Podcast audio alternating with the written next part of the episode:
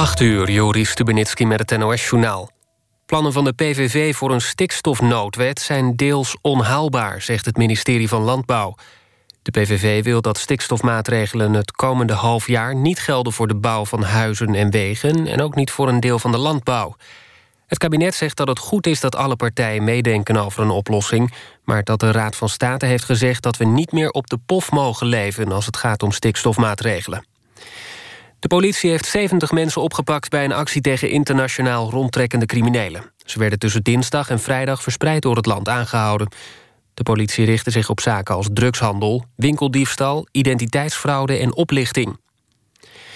In Limburg wordt voorlopig geen water uit de Maas meer gebruikt voor drinkwater, want er zit te veel landbouwgif in de rivier. Het gif komt uit België en werd tien dagen geleden ontdekt.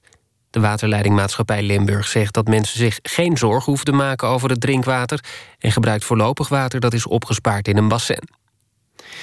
Een regeringscrisis in Duitsland is afgewend. De coalitiepartijen stonden onder grote druk om een pensioenakkoord te sluiten. Vijf uur lang vergaderden de leiders van de regeringspartijen... in de ambtswoning van bondskanselier Merkel. In het pensioenakkoord wordt geregeld dat er een basispensioen komt... voor Duitsers met een laag inkomen. Nu krijgen die nog een laag pensioen, maar daar komt straks verandering in. In de eredivisie heeft Feyenoord gewonnen van RKC. De Waalwijkers stonden met 0-2 voor in de Kuip... maar Feyenoord wist de wedstrijd naar zijn hand te zetten... en maakte er 3-2 van. PSV verloor opnieuw, dit keer met 2-1 van Willem II. De Eindhovenaren hebben nu zes duels op rij niet gewonnen. Ajax boekte een flinke overwinning op FC Utrecht. In de arena werd het 4-0 en FC Twente won van PEC Zwolle met 2-1. Het weer, vanavond opklaringen, maar vannacht neemt de bewolking weer toe... en kan het gaan vriezen. Morgen in de loop van de dag op veel plaatsen regen. Dan wordt het zo'n 7 graden. Dit was het NOS Journaal. Mazda heeft groot nieuws. Onze eerste 100% elektrische crossover. Ruim van binnen, royaal in materiaalkeuze. Het enige kleine is de prijs. Je bestelt de Mazda MX-30 nu vanaf 33.990 euro... of een bijtelling vanaf 82 euro per maand. Mazda. Drive together. Oosters Licht. Een tentoonstelling over de invloed van Japan op de westerse kunst. Nog tot 17 november te zien in het Lalique Museum in Hansestad Doesburg. Mis het niet. Wees stoer. Eigenwijs. Ren een marathon. Pak kansen. Zie de file als een polonaise. Verzeker jezelf van iets moois. Iets beters. Stap over. Kies. Promovendum. Jij verzet bergen nog voor de zon opkomt en de rest van de wereld wakker wordt.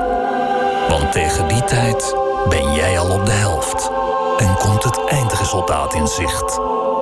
De ochtend. De ochtend is van ons. Kies Promovendum. Ga voor een 20% lagere autopremie naar promovendum.nl. Ook voor de voorwaarden. De overstap regelen wij. In welke sector bent u werkzaam? Uh, de showbiz. Da, da, da, da, da, da, da, da. Yes! Uh, als ik hier druk... Het nieuws grondig onder handen genomen. Elke week nieuw, elke week verrassend. Vanavond kwart over negen, VPRO NPO 3. Zondag met Lubach. Oké, okay, we zijn fucked. NPO Radio 1. NTR. Witte ouderen in Rotterdam worden veelal bestolen door inwoners met een Marokkaanse achtergrond. Althans, dat suggereert Leefbaar Rotterdam. Pro-Zwarte Pro Pieters hebben met veel geweld een vergadering van anti-Pieters aangevallen. Is het tijd dat we ons publiekelijk van deze agressieve pro-Pieters distancieren? En moeten Rotterdammers meestemmen over het aanblijven van burgemeester Abu Talib? Live vanuit Rotterdam is dit Kwesties, het debatprogramma van de NTR met Marianne van den Anker. Goedenavond, wat leuk dat u luistert. Elke zondag reis ik met de knalgele bus van NPO Radio 1 kriskras door Nederland. Om vooral met inwoners en politici te praten over wat hen na aan het hart ligt. Leefbaar Rotterdam en Denk Rotterdam zitten onder andere bij mij in de bus. En ook dominee Arnold Vromans, marktkoopman Henny van Schaik... en Karim Akbar, docent MBO en mede-presentator van de NTR. Fijn dat jullie er zijn. We beginnen kwesties met Marianne van den Anker. We beginnen na deze prachtige toeter om u natuurlijk te vertellen... dat we straks gaan luisteren hoe het staat met AZ tegen FC Emmen. Dat horen we van Chris Wobbe. Maar we beginnen met een aanval op de vrijheid van meningsuiting. Een bijeenkomst van de actiegroep Kick-Out Zwarte Piet in Den Haag... is afgelopen vrijdag aangevallen door pro-Pieters.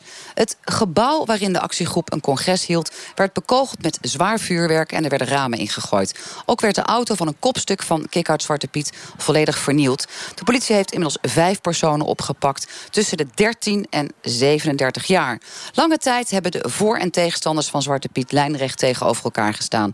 Zijn we nu op een punt aanbeland, of niet... dat ook de pro-Zwarte Pieters publiekelijk afstand moeten nemen... van deze gewelddadige acties? Ik vraag het hier in de bus, want ja, dat is natuurlijk toch wel een kwestie die in Den Haag speelt. Maar hier weten we er ook alles van. Dominee Vromans, wat vindt u ervan? Distancieren van deze agressieve pro-Pieters? Ik, ik, vind bij dat hele gesprek rondom uh, Zwarte Piet, Roetveeg Piet... dat het gesprek helemaal losgeslagen is.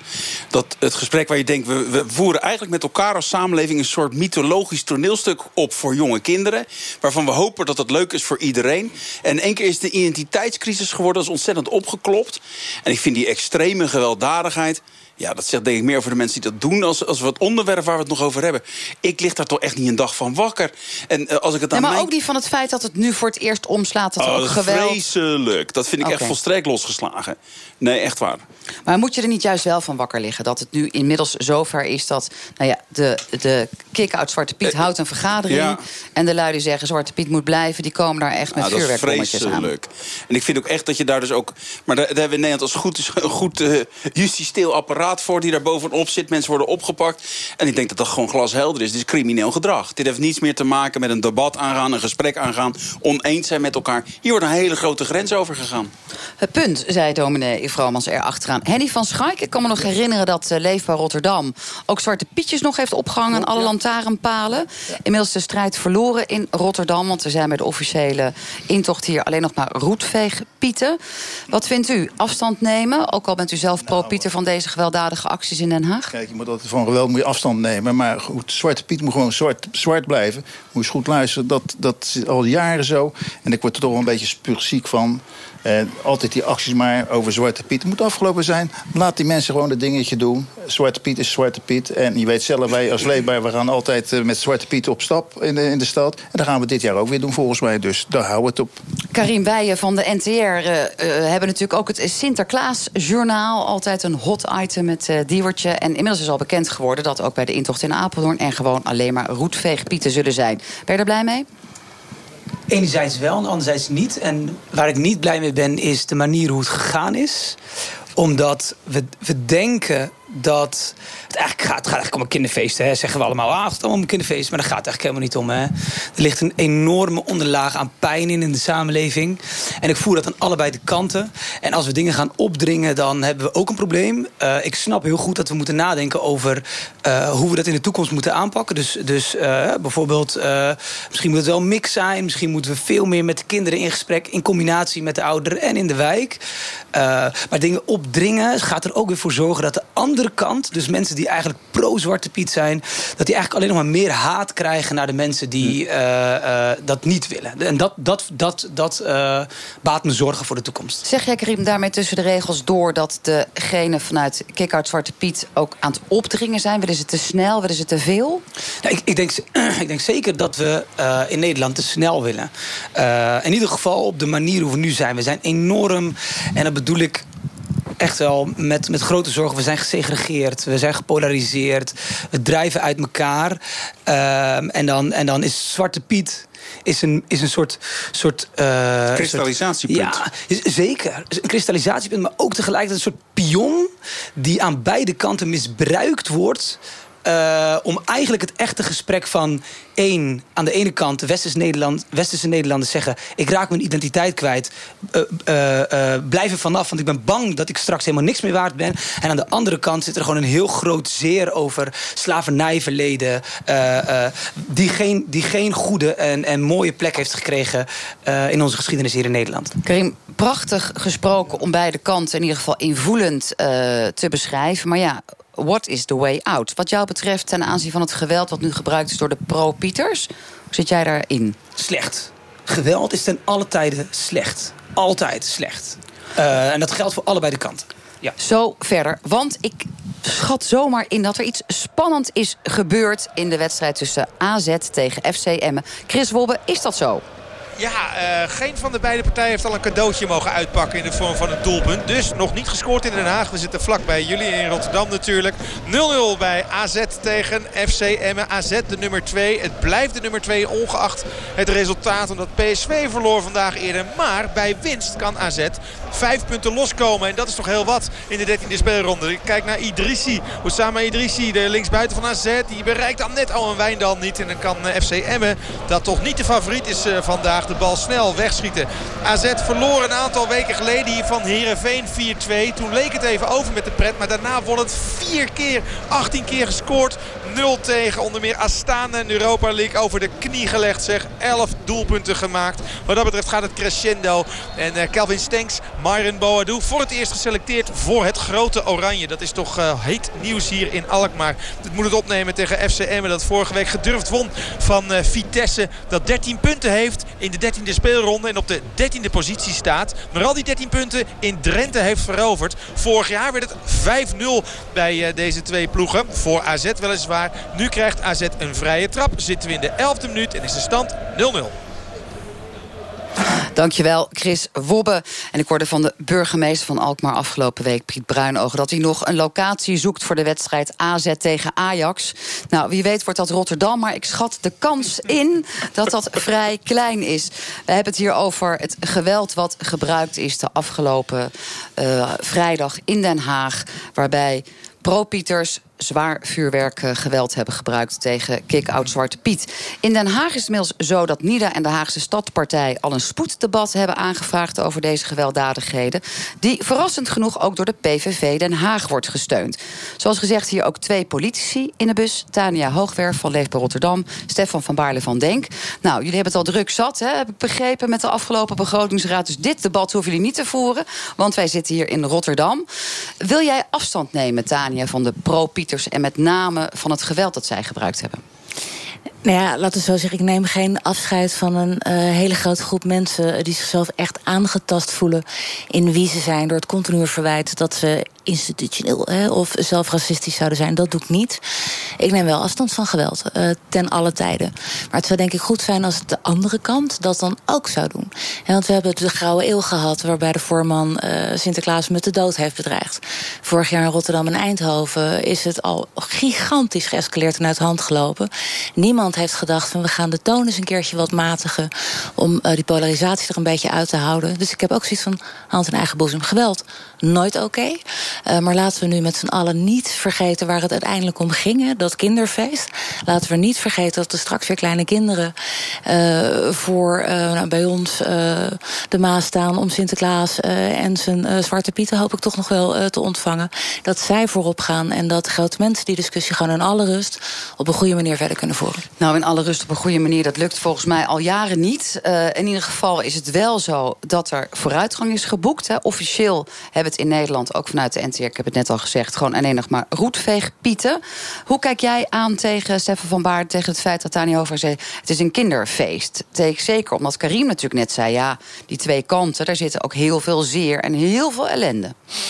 Ja, nou, de mening van Denk is altijd ongelooflijk consistent in deze kwestie. Wij vinden Zwarte Piet... zijn er ook punten waar jullie niet eh, consistent zijn? Want dan willen we dat graag wel dus even wij weten. Vinden, wij vinden Zwarte Piet vinden we een, eh, een, een, racistische karikatuur. En wij vinden dat de overheid zichzelf moet onthouden... van elke vorm van uh, steun, dan wel uh, subsidieverlening aan intochten... Waar, uh, waar de racistische karikatuur Zwarte Piet aanwezig is. En je gebruikte net het woord kinderfeest. En wij vinden het heel erg belangrijk dat dit een kinderfeest is... waar alle kinderen plezier van hebben. En als we kijken naar onderzoek dat de kinderen kinderombudsman heeft gedaan hiernaar.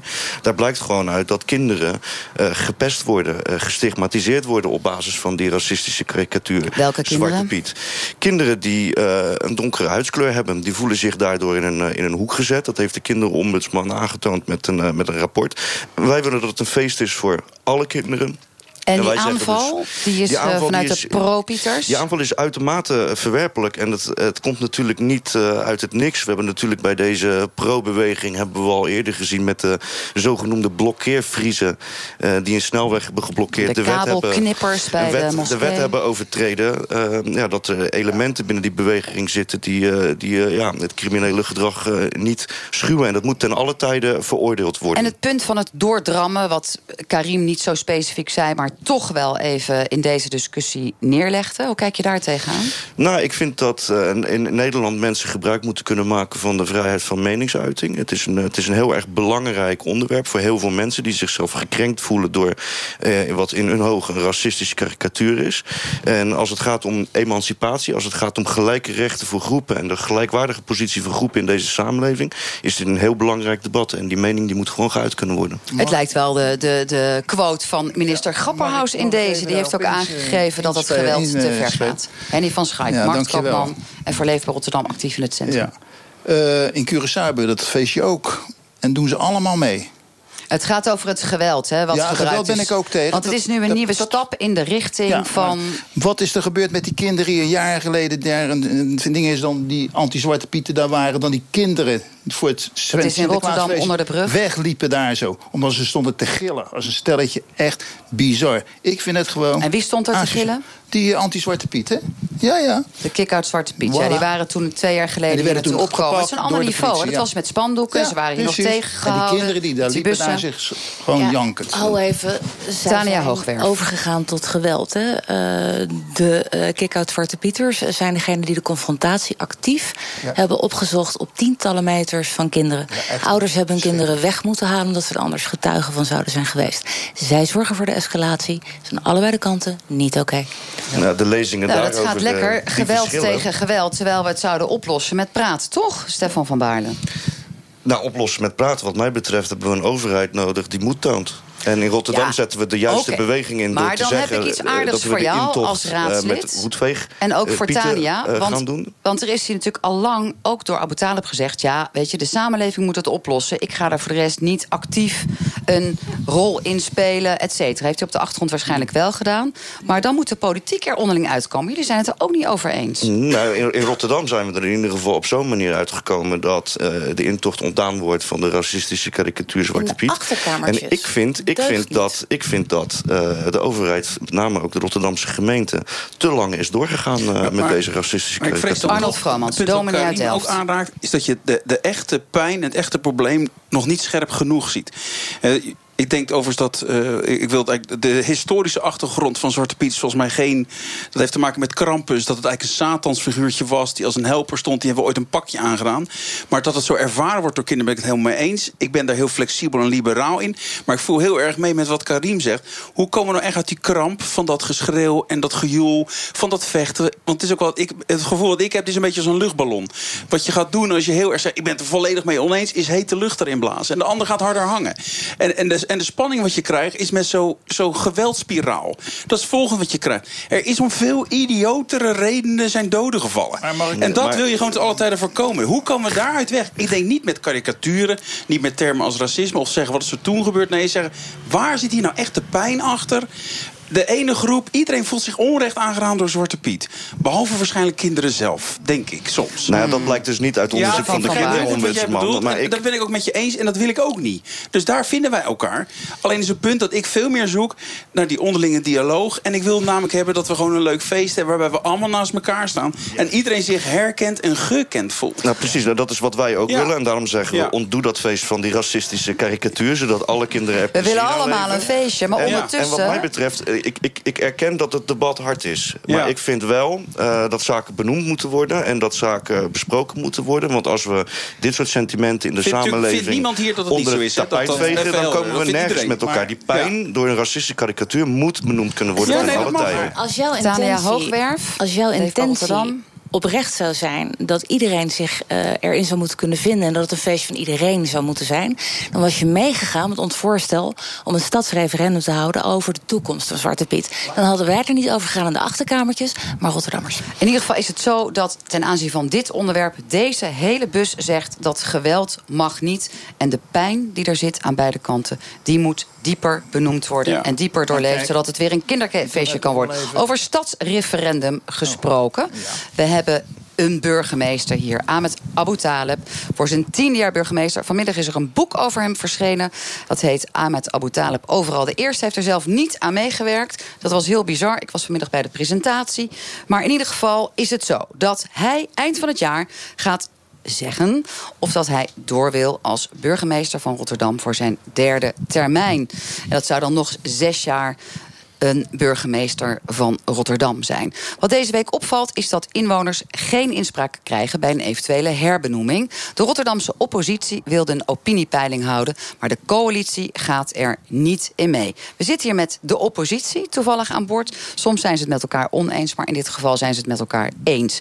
Waarom denk je dat de coalitie dat niet heeft toegestaan? Ik vraag het eerst aan Stefan van Baarle van Denk. Nou, het was inderdaad een gezamenlijk uh, initiatief van uh, Denk en, uh, en Leefbaar in deze om een uh, meningspeiling te organiseren... omtrent te vragen of Rotterdammers een, uh, een nieuwe termijn van burgemeester Abu Talib uh, zien zitten.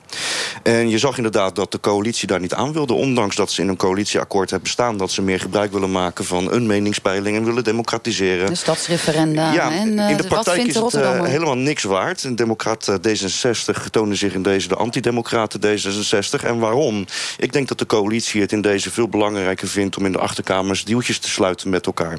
Om dingen binnen te halen uh, over de rug van deze, deze herbenoeming. En zo de Rotterdammer er niet bij te betrekken, vind ik uiterst kwalijk. Want gevoelens over deze, deze burgemeester van heel veel Rotterdammers... Uh, worden nu niet meegenomen bij het besluitvormingsproces. En dat vind ik antidemocratisch. Antidemocratisch, nou, dat is iets nieuws in het uh, burgemeesters benoemen in Nederland. Want in principe gebeurt dat gewoon door de gemeenteraad. En is het helemaal niet logisch om het te vragen aan Rotterdammers. Tania, voordat ik zo direct dominee Vromans het woord geef... waarom was het voor jullie als oppositie zo belangrijk? Want je kan ook zeggen, dat is ook een politiek spelletje.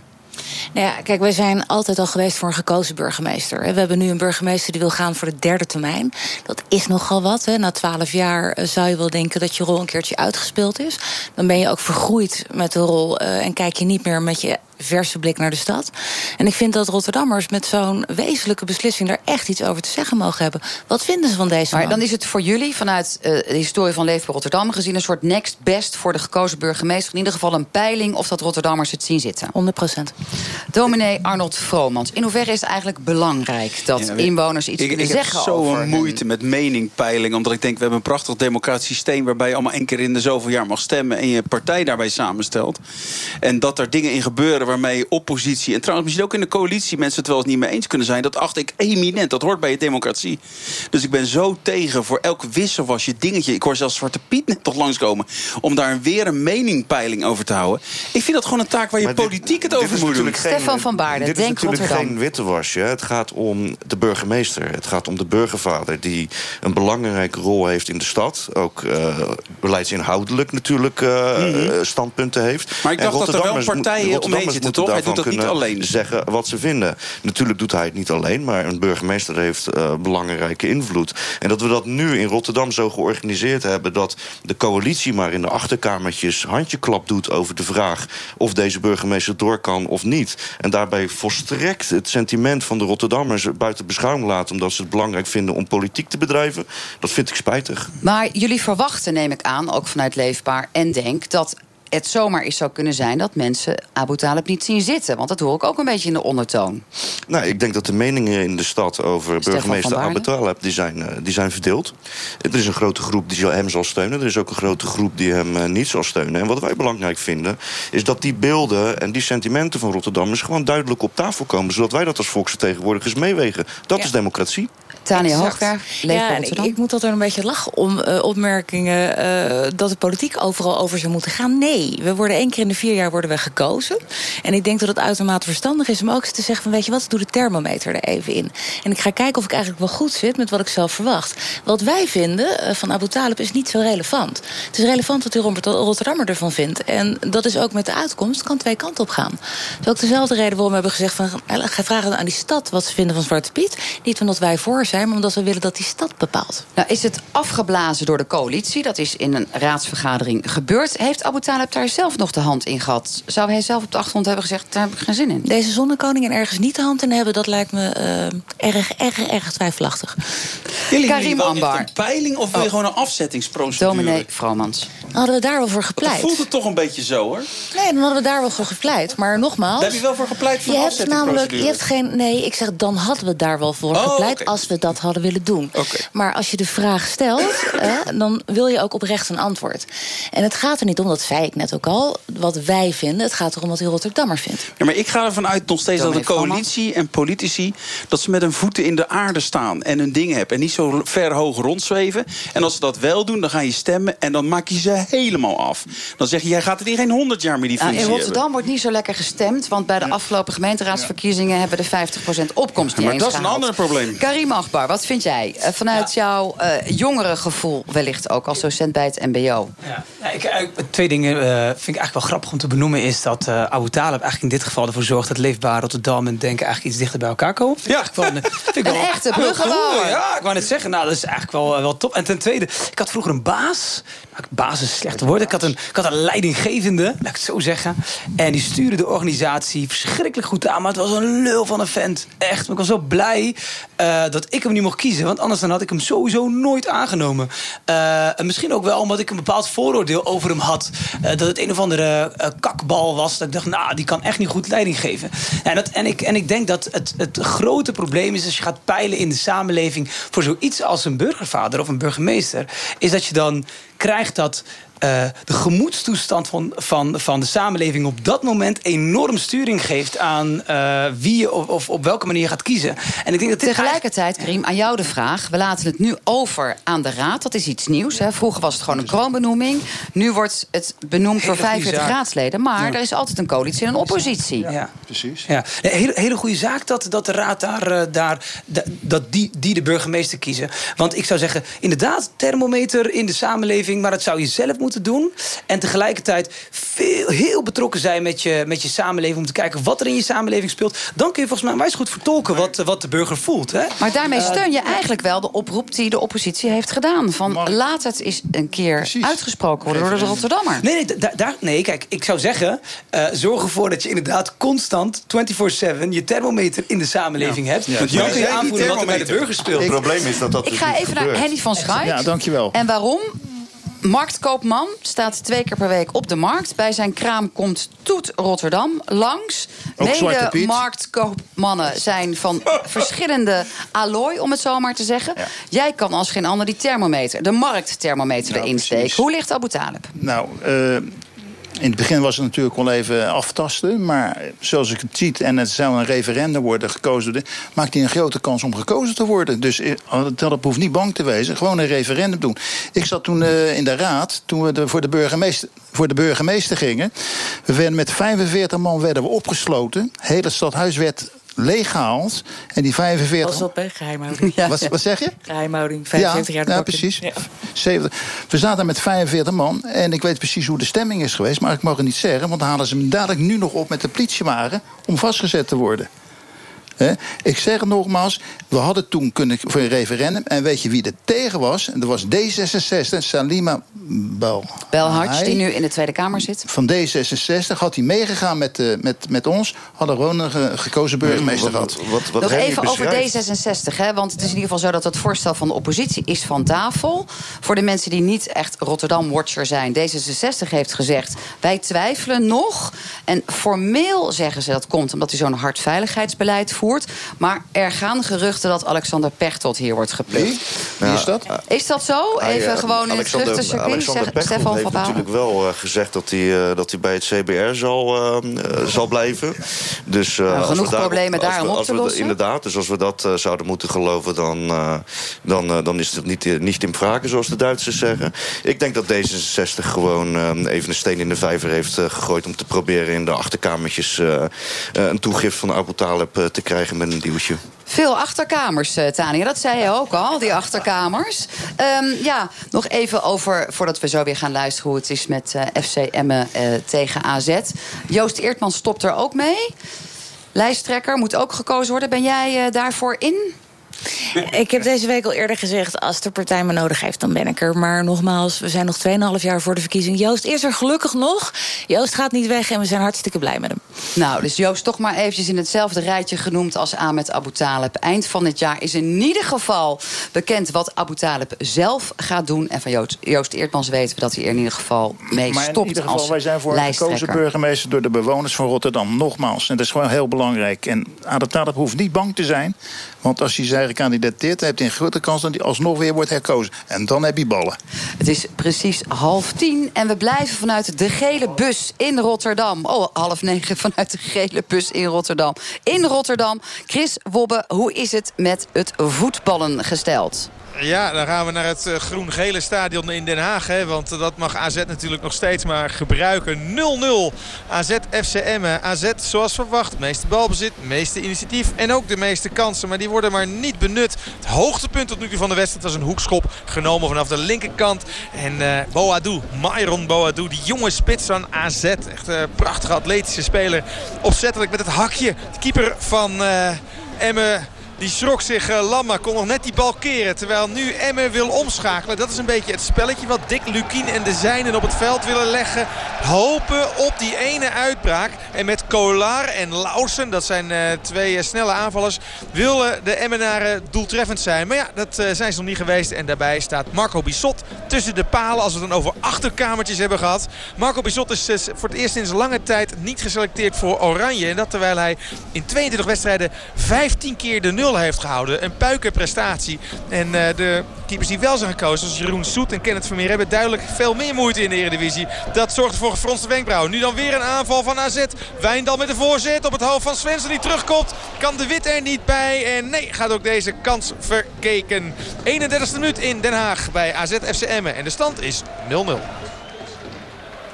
Dankjewel, Chris Wobbe. Een hele andere kwestie die wij niet willen maken... maar wij vroegen het ons wel af. Reclame maken voor sigaretten of sigaren... dat mag al sinds 2002 niet meer. Vanaf volgend jaar april mag tabak ook niet meer zichtbaar... in een winkel of supermarkt worden uitgestald.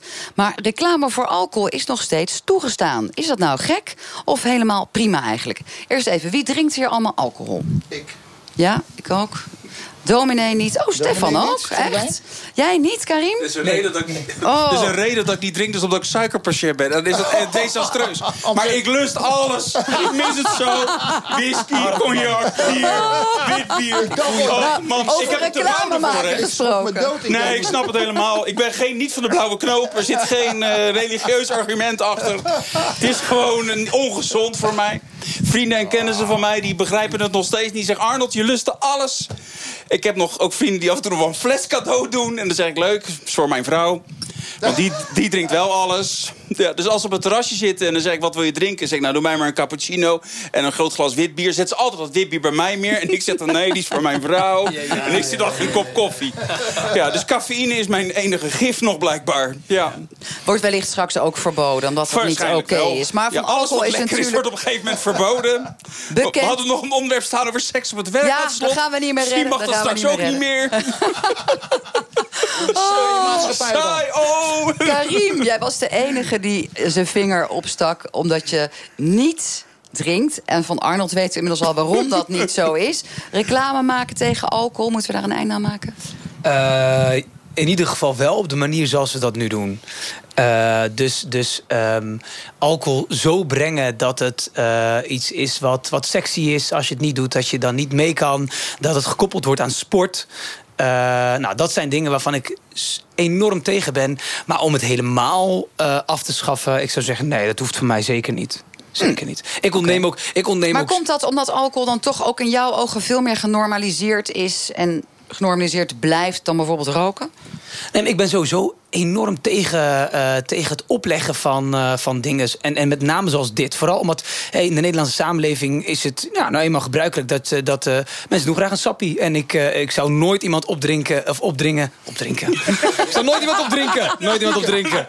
Ik zou nooit iemand opdringen in, in- bij de voetbalclub of zo. Als ik met een aantal vrienden ben, dan zou ik nou nooit tegen iemand zeggen. Nou, ik zou het niet zo prettig vinden als je alcohol drinkt hier. Dan denk ik, nou ja, doe, doe, doe je ding. Maar, maar wacht even. Maar mag je nou een alcoholvrij drankje drinken? Zonder alcohol? Het is een hele goede vraag. Want Ja. ik, het is een hele goeie, vooral omdat ik... de- volgens- ik heb gehoord dat 0.0 ook nog een 0,01% heeft of zo. Nee, nee, nee. Nul is En sowieso vind ik bier gewoon niet zo heel lekker ruiken. Dus dan zou een, een alcoholvrij... eh, Wijntje, die zijn er ook. Zijn er, ja. weet u dat? Weet ik niet. Daar wordt hier zeker geval heel lachig Ja, over gedaan. Even kijken of dat de politici Dat we eh, nog hè, een serieus onderwerp vinden. Tania Hoogwerf leeft bij Rotterdam. Alcoholreclame, niet meer van deze tijd. Nou ja, het, het is een serieus onderwerp. Maar het is ook een, een, een lastige discussie om in, in deze tijd eigenlijk te voeren. Want hè, we hebben te maken met een preventieakkoord. Dat wordt opgelegd vanuit eh, de overheid. En diezelfde overheid, althans partijen in de coalitie... die hebben het over het legaliseren van drugs. En dan niet alleen softdrugs, maar ook gewoon harddrugs zoals MDMA en GHB. Dan denk ik, ja, dat is volgens Dan mij kan de eerst een alcohol probleem. wel blijven. Precies. Stefan van Baarle, jij zei met een heel vingertje... ik drink ook wel eens. Is dat omdat jij denkt, joh, dat is een moslimgeloof wat ik beleid... dat neem ik op dat punt niet zo serieus? Ik ben agnost. Oh, oké. Ehm, Aannames van mij. Dat zijn inderdaad aannames, eh, Oh. maar ik neem het je niet kwalijk. Ehm, om op de discussie terug te komen. Ik, eh, vind het, eh, ik vind dat we wel moeten spreken over, eh, over hoe we hier als samenleving met elkaar omgaan. Als we kijken naar de lijstjes, staat alcohol gewoon eh, eh, samen met drugs zoals heroïne en cocaïne. eh, als het gaat om de meest schadelijke stoffen. Dus dat je er verstandig moet, mee moet omgaan eh, en moet discussiëren over de vraag van wil je daar wel reclame voor maken. En het omschrijven als een soort modeartikel. En, en, en op, verheerlijking, op die manier, zoals Karim op die manier in het, over, het, over het voetlicht brengen. Ik, ik denk dat we dat als samenleving niet moeten doen. Ja, maar nu, nu gaan we echt En die vertrukken, van jongens, Schaik? allemaal. We krijgen geen zwarte piet meer, we krijgen geen alcohol meer dadelijk. Niet meer roken mogen we dadelijk. Wat hebben we dan toch doen? Het zal dadelijk een keertje zo zijn. De kinderen die worden geboren in dat land, die krijgen een chip in de oor bij de geboorte. Kunnen ze precies zien wat ze aan Ja, hem maar hebben nu gehad. maak je wel een karikatuur van de ik maak het- discussie, We gaan naar een penalty. Ja, dat is echt oh, is penalty, veel belangrijker. ja, Chris Wobbe, vertel. Ja, precies. Hier is het allemaal lekker simpel. Als je een fout maakt in het strafgebied, dan krijg je een penalty. Tenminste, als die tegenstander het heeft gedaan. De tegenstander was Dennis Telgekamp. Torpedeerde Svensson. En ja hoor, daar is het Koopmeiners. Zo, goedemiddag zeg. Er wordt hier even keihard muziek gedraaid. Want AZ komt dus op voorsprong. Weer vanaf de strafschopstip. Weer is het Koopmeiners die nog niet gemist heeft in de eredivisie. En dus leidt AZ door middel van een benutte strafschop van Teun Koopmeiners met 1-0. En dat doet hij allemaal in de 38e minuut. Dankjewel Chris Wobbe. En ik weet zeker dat daar ook wel een drankje gedronken zal worden in dat stadion. Want dat is natuurlijk nog steeds niet drankvrij. We hadden het over alcohol, wel of geen reclame. Alcohol is een probleem in de samenleving. En overigens is het zo dat de meeste alcoholverslaving bij mensen van boven de 50 zit. En vooral bij autochtonen. Nou, om maar eventjes een bruggetje te maken naar een Marokkanen aanpak. Want daarvoor zijn we hier ook samengekomen in mijn vertrouwde Rotterdam. De kwestie van de week komt van Tania Hoogwerf van Leefbaar Rotterdam. Volgens Hoogwerf hebben Nederlandse Marokkaanse criminelen jongeren het bewust gemunt op Nederlandse ouderen. Die natuurlijk ook gewoon Nederlands zijn. Iedereen is hier Nederlands. Om dit tegen te gaan zou er een specifieke Marokkanen aanpak moeten komen. Tania, waarom wil je dat? Ehm, nou, heel even, eh, ik ben er niet zo van, maar toch maar even een kleine nuance aanbrengen. We hebben niet gezegd dat autochtone ouderen het slachtoffer zijn van Marokkaanse jongeren. We hebben gezegd dat eh, als je kijkt naar de oververtegenwoordiging in misdaadstatistieken, dat je daar ziet dat onder andere Marokkaanse jongeren zijn oververtegenwoordigd. En als je kijkt naar degenen die daar het slachtoffer van worden, en zeker als het gaat om eh, woningovervallen en straatroven, dat autochtone ouderen daar onevenredig groter aandeel in hebben. Oftewel, ga nou eens kijken wat er precies gebeurt in die verhoudingen. En als het inderdaad zo is, wat er aan ten grondslag ligt. Oké, deze nuance gezegd hebbende, moet jij nog één ding uitleggen. Mhm. Want er wordt elke keer aan jou gevraagd: waar baseer je dat nou op, die overtegenwoordiging? Je hebt ooit verwezen naar een bron die eh, door het CBS is gepubliceerd, naar het jaarrapport Integratie. We hebben gevraagd aan het CBS: staat dat erin? En die zeggen: nee, dat causale verband staat er niet in. Is er iets waarop jij dit kan staven, deze uitspraak? Nou, exact het, uh, het empirische onderzoek waarbij, als we dan echt wetenschappelijk gaan doen, waarop je dat causale verband zou kunnen baseren, dat is juist iets waar we om vragen. Wij hebben gezegd, als je kijkt naar de CBS, uh, inderdaad, het integratierapport 2012, daarin zie je dat Marokkaanse jongeren 22 keer zo vaak als dader in aanmerking komen voor gewelddadige delicten. Uh, we hebben gekeken naar de cijfers over misdaadstatistieken, ook weer van het CBS van 2014. Daaruit blijkt hetzelfde. WODC-monitor zegt hetzelfde. Okay. Dus jij zegt, ik heb voldoende materiaal. Ik heb niet de tijd oh, nu om ja, al rapporten. die rapporten door te nemen. Genoeg. Maar jij zegt, het zijn echt aanwijsbaar Marokkanen. Ik kan het bewijzen en daarom wil ik een Marokkaan aanpakken.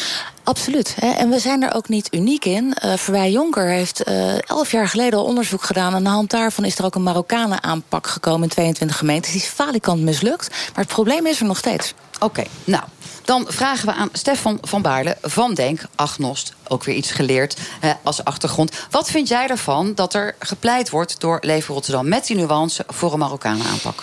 Ja, wat, wat mevrouw Hoogwerf doet namens Leefbaar Rotterdam is eigenlijk een vorm van sjoemelhaat echt op basis van aantoonbare onwaarheden... echt sjoemel-statistisch werk. Noem nou maar even wat aannames, aantoonbaar onjuist is. Wat is aantoonbaar over, Tania, even luisteren naar waarom over, Tania het ge, of waarom Stefan het geen goed idee Op vindt. basis van sjoemelen, aannames over groepen Nederlands de wereld in helpen... eigenlijk Marokkaanse Nederlanders neerzetten als daders... en dan ook nog eens een prioritering inbrengen in de slachtoffers. Want witte slachtoffers uh, vindt, vindt Leefbaar Rotterdam blijkbaar belangrijk. Um, op basis van sjoemelwerk, als we naar de onderzoeken kijken... dan zien we dat uh, Marokkaanse... Oké, okay, dus jouw eerste punt is, het is helemaal niet bewezen. Het is sjoemelwerk, wat, wat, dus wat mevrouw Hoogwerf doet. Want, want ze trekt een kausaal verband. Ze beweert namelijk dat Marokkaanse Nederlanders... bewust op zoek zouden gaan naar uh, witte Nederlandse ouderen... om het maar even zo te zeggen. Uh, hoogleraren in Utrecht hebben dat specifieke vraagstuk onderzocht... hebben dat ontkracht. En uit de statistieken blijkt dat niet de ouderen oververtegenwoordigd zijn als slachtoffer, maar een jongere groep. En het blijkt zelfs dat Marokkaanse Nederlanders met sommige misdrijven vaker het slachtoffer zijn als Nederlanders zonder een migratieachtergrond. Het is gewoon puur statistisch sjoemelwerk wat mevrouw Hoogwerf doet. En zet ze groepen mee weg. U hebt natuurlijk wel, naar aanleiding van die bloedprikbende... waarbij u ook van plan was om dat causale verband te leggen... bakzeil gehaald, want dat was een Roma-familie. Ja, maar nogmaals, ik zei net al... we hebben niet aangegeven dat het alleen maar Marokkaanse jongeren zouden zijn... Uh, maar allochtonen. En ik denk als je kijkt naar verschillende rapporten... zoals het rapport ook van uh, de politieacademie uit 2014... die hebben onderzoek gedaan naar woningovervallen. Daarin staat heel erg duidelijk dat autochtone ouderen... daar een oververtegenwoordiging hebben in het slachtofferschap... en dat ruim 60% van de daders Mevrouw Hoogwerf, allochtoon als, zijn. als Maar we uw lijn volgen met die oververtegenwoordiging... waar verklaart u dat dan uit, hè? mocht het al zo zijn? Nou, en dat is inderdaad de vraag. Uh, en daarom zeggen onderzoekers ook... het is nuttig om he, te gaan kijken van wie zijn nou die daders... om ook te weten uh, waarom dat zo is. Als je puur kijkt naar de sociaal-economische omstandigheden... dat is het dus niet. Want als het CBS die corrigeert... dan is er nog steeds een oververtegenwoordiging. Dus er zit ook een culturele component in. En daarom zul je dus als je over 20 jaar of over 10 jaar... eindelijk eens een keertje wil zeggen... we zijn af van die oververtegenwoordiging... weten wat dat is. Ook we weten zelf... Dit is weer van- onzin Het uh, is geen van, onzin. van mevrouw. Als je puur het is, kijkt het is naar wat wetenschappers aangeven... Dat op basis van uitgebreid onderzoek van naar Baarle, uh, criminaliteitscijfers heeft gezegd uh, dat etniciteit, afkomst geen verklarende waarde heeft uh, in dat debat. We weten de onderzoeken van maar criminaliteit. is niet zo, dat zijn buurteffecten, dat is uitzichtloosheid, dat het dat zijn wel- bepaalde subculturen in wijken. invloed En wat, en wat, u doet is een hele grote groep Nederlanders doet, als daders neerzetten op basis van En dat is is er niemand meer te volgen? kwalijk. Voor wat? Stop. Nou, ik ga naar dominee Vromans, want ik heb duidelijk geen gezag. Ik, zeg vier keer Oh, stop. goh, vreselijk. Ja, nee, Nee, ik hoor. ook niet hoor. Dus, nee. Maar ik, ik zit vooral te denken, laten we nou al die statistieken helemaal loslaten. Alsof we dat er allemaal niet weten en of dat er allemaal niet is. Weet je, want daar kan je heel lang over discussiëren. Ik, weet op een gegeven moment gaan we straks iets hebben over Gauss-curves en over meerderheidsfactoren. Dat, dat, daar kom je niet in weg. En ik denk dat. eh, voor mij is de vraag veel principiëler. Wil je wel langs deze weg problemen oplossen... waarbij je eh, niet zozeer meer gaat kijken naar... waar zien we nou een specifieke doelgroep wat een probleem is? Nee, we gaan toch ook dus etniciteit en achtergrond daarin een factor maken. Moet je dat nou echt willen? Gaat dat helpen naar de toekomst toe? Of gaat dat mensen zeggen van... ja, je hoort bij een groep en dus zou je dit en dit zijn? Ik moet denken aan een heel gek voorbeeld. Ik werd tien jaar geleden, was ik net dominee... toen speelde heel erg dat opkomst van al die misbruikzaken... binnen met name de Rooms-Katholieke Kerk. Dat is even niet mijn houtje. Ik heb een protestantse achtergrond. Toen was ik net twee dagen dominee, deed boodschappen in het dorp. Dus iemand, u vindt het ook fijn om met jonge kinderen te doen. En, en dat is waar ik voor vrees. Weet je wat mijn gedachte was? Ik dacht, ik geef je zo'n stamp voor je neus. Dus, dat, dat, dus dat, dat vraag ik me heel erg af. Ga je niet zo'n soort reactie dan krijgen? Moet je niet veel kijken? Ik, zit- ik zit dat dichterin bij hem. Dat ik namelijk ook denk dat de sociaal-economische achtergrond... dat een stuk framing daarbij en diplomatiek veel centraler is. Zegt, dat, Karim je zegt, Akbar. ik denk. Sterker, Karim sterker docent MBO, Eh, het is- presentator het is- NTR. Bowen Paula bijvoorbeeld, een, een Amerikaanse socioloog... die heeft al lang, eh, met alle respect, al lang aangetoond... dat het te maken heeft met SES, sociaal-economische status. Volgens mij is dat geen discussie. Wacht even, Dus even met alle, niet even, Er is een correctie Sorry. geweest Kijk, er is, voor dit, zijn, dit zijn al, dit zijn al omstandigheden. Tanja, luister eens. zijn, ik geloof niet dat bij Leefbaar. Rotterdam... Ik geloof niet dat bij. Leefbaar Rotterdam...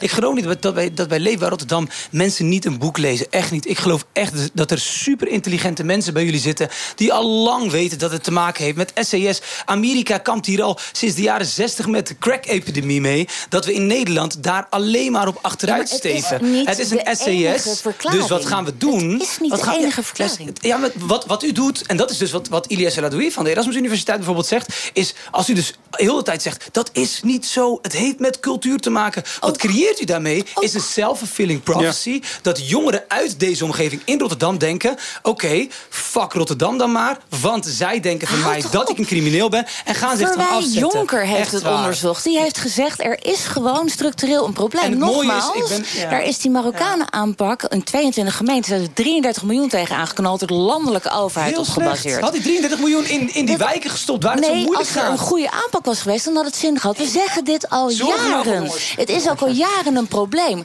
Door mensen zoals u die gewoon stelselmatig weigeren... om dit probleem te erkennen, wordt er niks Ik aan gedaan. de Dus het problemen. De problemen zijn maar. groot in de wijken waar heel veel criminaliteit en armoede is. Daar ik zie het ook en ik voel miljarden tegenaan ik in zie het en ik voel die problemen Miljarden. echt Dit enorm. Dit Ik ligt, de super gevoelig. Dus ik wil aan even- vragen, omdat het voorbeeld werd genoemd over de Rooms-Katholieke Kerk, van dat backfired enorm. Kun jij je daar iets bij voorstellen vanuit Leefbaar Rotterdam? Dat als je dit zegt, dat je daarmee een hele gemeenschap, we hebben die integratiediscussie al gehad, een hele gemeenschap neerzet als jullie zijn potentieel crimineel en overtegenwoordigd, dus jullie lopen toch wel echt enorm achter. Ja, en nog Ja, een vraag. 100 procent. En ik baal er ook echt van dat het nodig is. Ik vind het erg. Ik vind het echt erg dat we na decennia eh, partijen die dit al verkondigen, dat we dit nog steeds moeten zeggen. Dat vind ik erg. En daarvan zeg ik, laten we er nou alsjeblieft wat aan doen. En dat is wat wij hiermee willen bereiken. Het gaat niet om te stigmatiseren, het gaat niet om het wegzetten. Het gaat Maar erom dat we een groep die stiekem toch? Ja, maar het is ook om een reden. Als je kijkt naar de monitor risicojongeren in Rotterdam uit 2018. 75% van een groep risicojongeren... die hebben dus al een keertje contact gehad met de justitiële keten. Dat zijn niet westerse allochtonen. Tanja, Daar moet je wat van Hoogberg, vinden. Ik leg u iets anders, ik leg u iets 70. anders Voor. Namelijk, om een beetje ook uit de pijn te komen waar we nu in zitten. Stel dat die Marokkanen aanpak van u met al die rapporten en al die onderleggers wordt overgenomen. Zijn de Marokkaanse jongeren daar dan mee geholpen als je daar specifiek een aanpak op toepast? Want dat is hopelijk wel wat je wil. Dat zij, namelijk als dat al zo is, niet meer oververtegenwoordigd zijn in de criminaliteit. En dat is uiteindelijk echt onze wens. Hè. Er zijn onderzoekers geweest die Oh. zeggen... kijk nou naar de etniciteit, want als je het niet doet... Doelpunt. Chris Wobbe, van wie? Wie heeft er gescoord? Ja, wat dat betreft is het speelveld hier in het voetbalwereldje toch heel erg simpel. Gewoon 22 volwassen kerels die lopen achter een bal aan. Nou, heel simpel. En als je die bal in het doel schiet, heb je een punt. AZ is dat nu al twee keer gelukt. Boadu deed het. Zijn achtste van het seizoen. Mooie voorzet van Svensson vanaf rechts. Heel mooi met gevoel gegeven bij de tweede paal. En die Boadu, die denkt, laat ik nou wat leuks doen. In de lucht, met zijn bovenbeen verlengt hij de bal in de goal. Echt super knap gespeeld. Daarvoor was het even één moment van FC Emmen. Met gevoel gaf Peña een bal. Een prachtige paas richting de tweede paal. Kolar, die aanvaller van FC Emmen, ging er achteraan. En lepelde de bal. Wilde hij over Bizot heen lepelen. Maar eh, de doelman van AZ die ging op zijn knieën zitten en redde de bal knap. Dus dat was eh, mooi. Twee hoogtepunten aan het einde van de eerste helft. Die nu voorbij is. 2-0 bij rust voor AZ. Dankjewel Chris Wobbe. Het is zo direct rust bij het voetbal. Maar wij gaan hier nog even stevig door. Tania, we hadden het er net over. Je krijgt die ruimte om dat uit te leggen. Denk jij, mocht het doorgaan, dat de Marokkanen aanpak iets gaat helpen? En wat dan? Ja, 100 procent. Er zijn ook onderzoekers uh, die hebben recent nog gezegd... je moet juist gaan registreren. Je moet weten wat de etniciteit is... om er gewoon een doelgericht en ook effectief beleid op te kunnen. Maar kan bijvoorbeeld, dat dan eens concreet? Bijvoorbeeld, als het gaat om die Marokkaanse groep... weten dat eer een factor is. Marokkaanse jongeren zijn eerder geneigd om een halt, uh, maatwerk, maatregel af te slaan, omdat dat tegen hun eergevoel aan ingaat. Dan komen ze eerder in die strafrechtelijke keten terecht. Als die factor iets is waar je rekening mee houdt, kun je er ook voor zorgen dat ze gewoon met een haltmaatregel aan de slag uh, kunnen in plaats van de bak in. Ik ben zelf okay. Nederlands-Marokkaans, hè? Dat is een heel goed voor je. En, en, ik, en ik voel heel goed wat u zegt, maar niet een Marokkanen aanpak heeft ervoor gezorgd dat ik langzaam en maar zeker mijn eer en trots uh, loslaat in kwesties zoals uh, in de samenleving. Maar mijn kritische denkvaardigheden hebben dat gedaan op school. Dus uh, het, heeft, het heeft niks te maken met dat iemand gezegd heeft... jij bent een Marokkaan, kom eens even bij mij... en ik ga jou eens even aanpakken, zodat je geen eer en trots meer hebt. Dan zou ik alleen nog maar enorm me gaan afzetten tegen zo'n aanpak... en denken, fuck off, jij, jij, jij, wil mij hier niet hebben. Jij, best, mm. jij bestempelt mij al, geeft mij al het label crimineel vanuit de basis. Ik ben het met u eens. Er zijn zeker een hoop dingen in de samenleving die misgaan... die ook zeker iets meer spelen bij de ene cultuur als bij de andere cultuur. Maar dat betekent niet dat we een specifieke aanpak moeten hebben en dat we ze moeten labelen. Nee, we moeten ervoor zorgen dat we goede burgerschap hebben in het onderwijs. Kritische denkvaardigheden ja. voor ieder kind. Ja. Want criminaliteit komt overal vandaan. Kijk maar de jaren zeventig. Toen was de neus de grootste crimineel en nu zijn het de mokkelmafia. Ja, maar mag ik even... In... Nee, nee, ik wil eerst nog zo direct, Henny, kom ik bij u. Stefan van Baarle. Er is een praktisch voorbeeld gegeven met die haltstraffen. Um, is dat dan waardoor u denkt, nou, dan wordt het wat zachter en wat acceptabeler. Want het lijkt alsof leefbaar dan juist rekening wil houden met specifieke omstandigheden thuis in de cultuur. Waardoor je beter preventief te werk kan gaan en misschien ook effectiever kunt opsporen en bestrijden. Nou, nee. Uh, Leefbaar Rotterdam zegt rekening houden met specifieke omstandigheden. Maar dat doen ze niet. Ze generaliseren met dit voorstel. Ze zeggen dat een groep Marokkaanse Nederlanders eigenlijk per definitie al eerder geneigd is om crimineel te zijn. En dat dat, dat bij wijze van spreken. Wij niet, dat zeggen eigenlijk is een, het beeld wat mevrouw Hoogwerf neerzet, dat Marokkaanse Nederlanders bijna als crimineel geboren worden. En daar, daar, daar, maak ik, daar, daar, daar neem ik echt afstand ja, maar van. Dit is echt als je rekening wil houden met specifieke. Als je, als je rekening wil houden. Niet. Dat zegt wij u zeggen wel, dat een bepaalde Hoogwerf. groep is u zei letterlijk dat Marokkaanse Nederlanders bewust op zoek gaan naar oudere witte slachtoffers. Okay. Dat, dat is een zo te heel zijn. Ja, zwaar verwijt waar u zegt dat een groep Marokkaanse Nederlanders per definitie het dus gemunt heeft is op,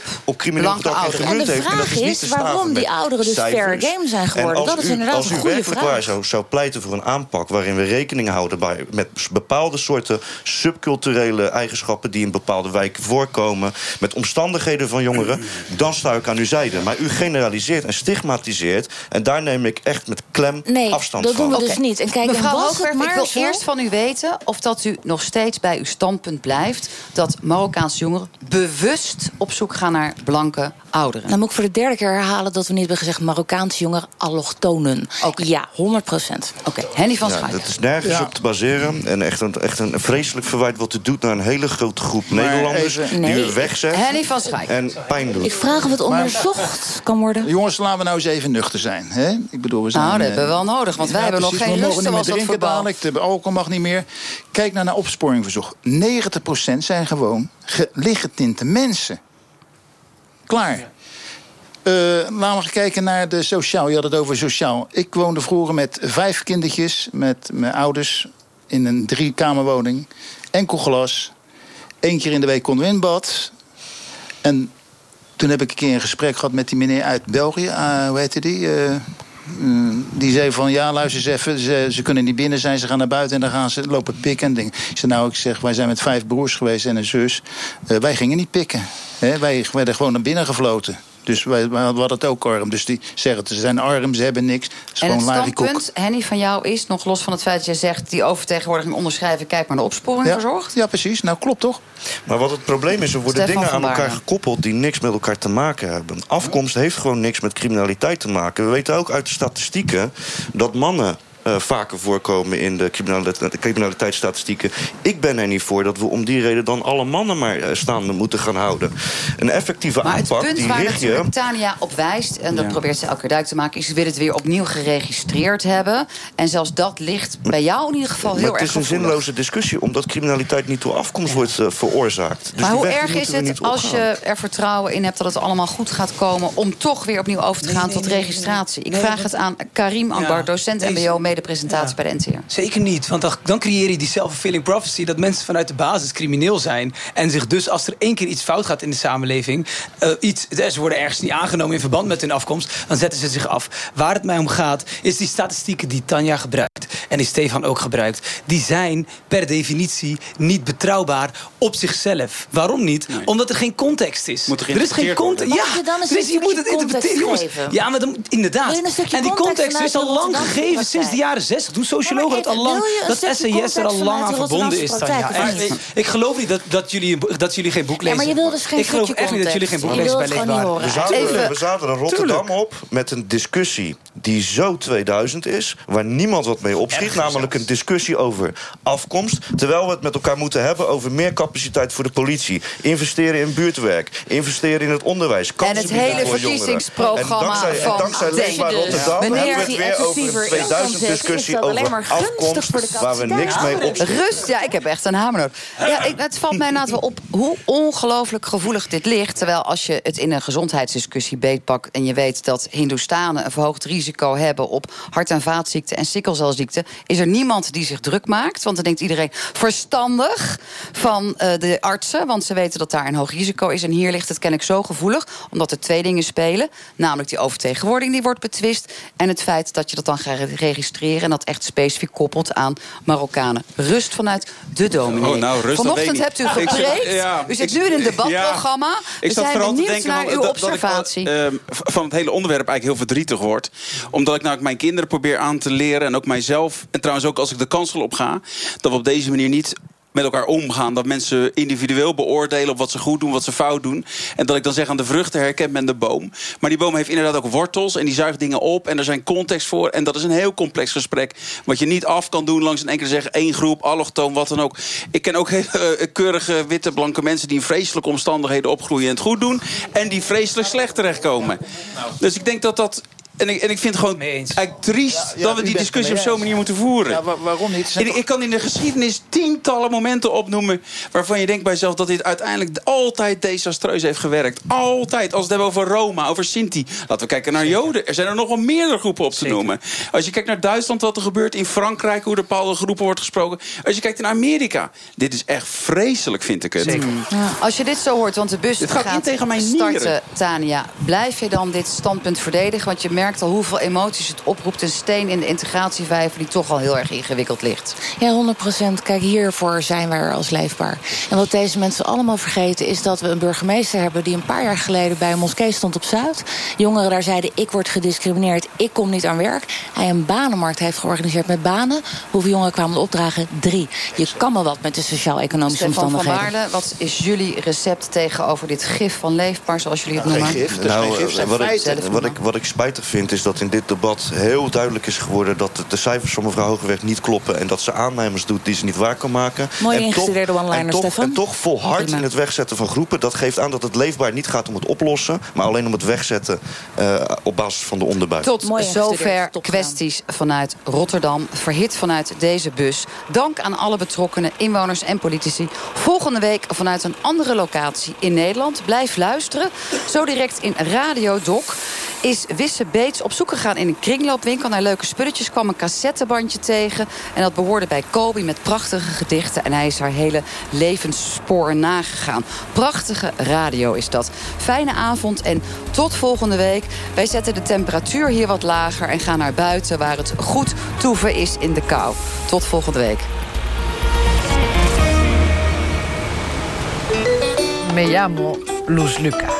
NTO Radio 1. Actrice en comedienne Luz Luca heeft warm diva-bloed door de aderen stromen. Queremos hacer una película. En dan is geen avontuur te gek. De film heet Mi Vida en dat betekent mijn leven. Zoals de rol in haar nieuwste film Mi Vida, die speciaal voor haar is geschreven. Is toch nog een droom die ik waar wil maken. Kan dat nog? Luister naar Kunststof. Op NPO Radio 1. Dinsdagavond om half acht met Loes Luca. Muchas gracias.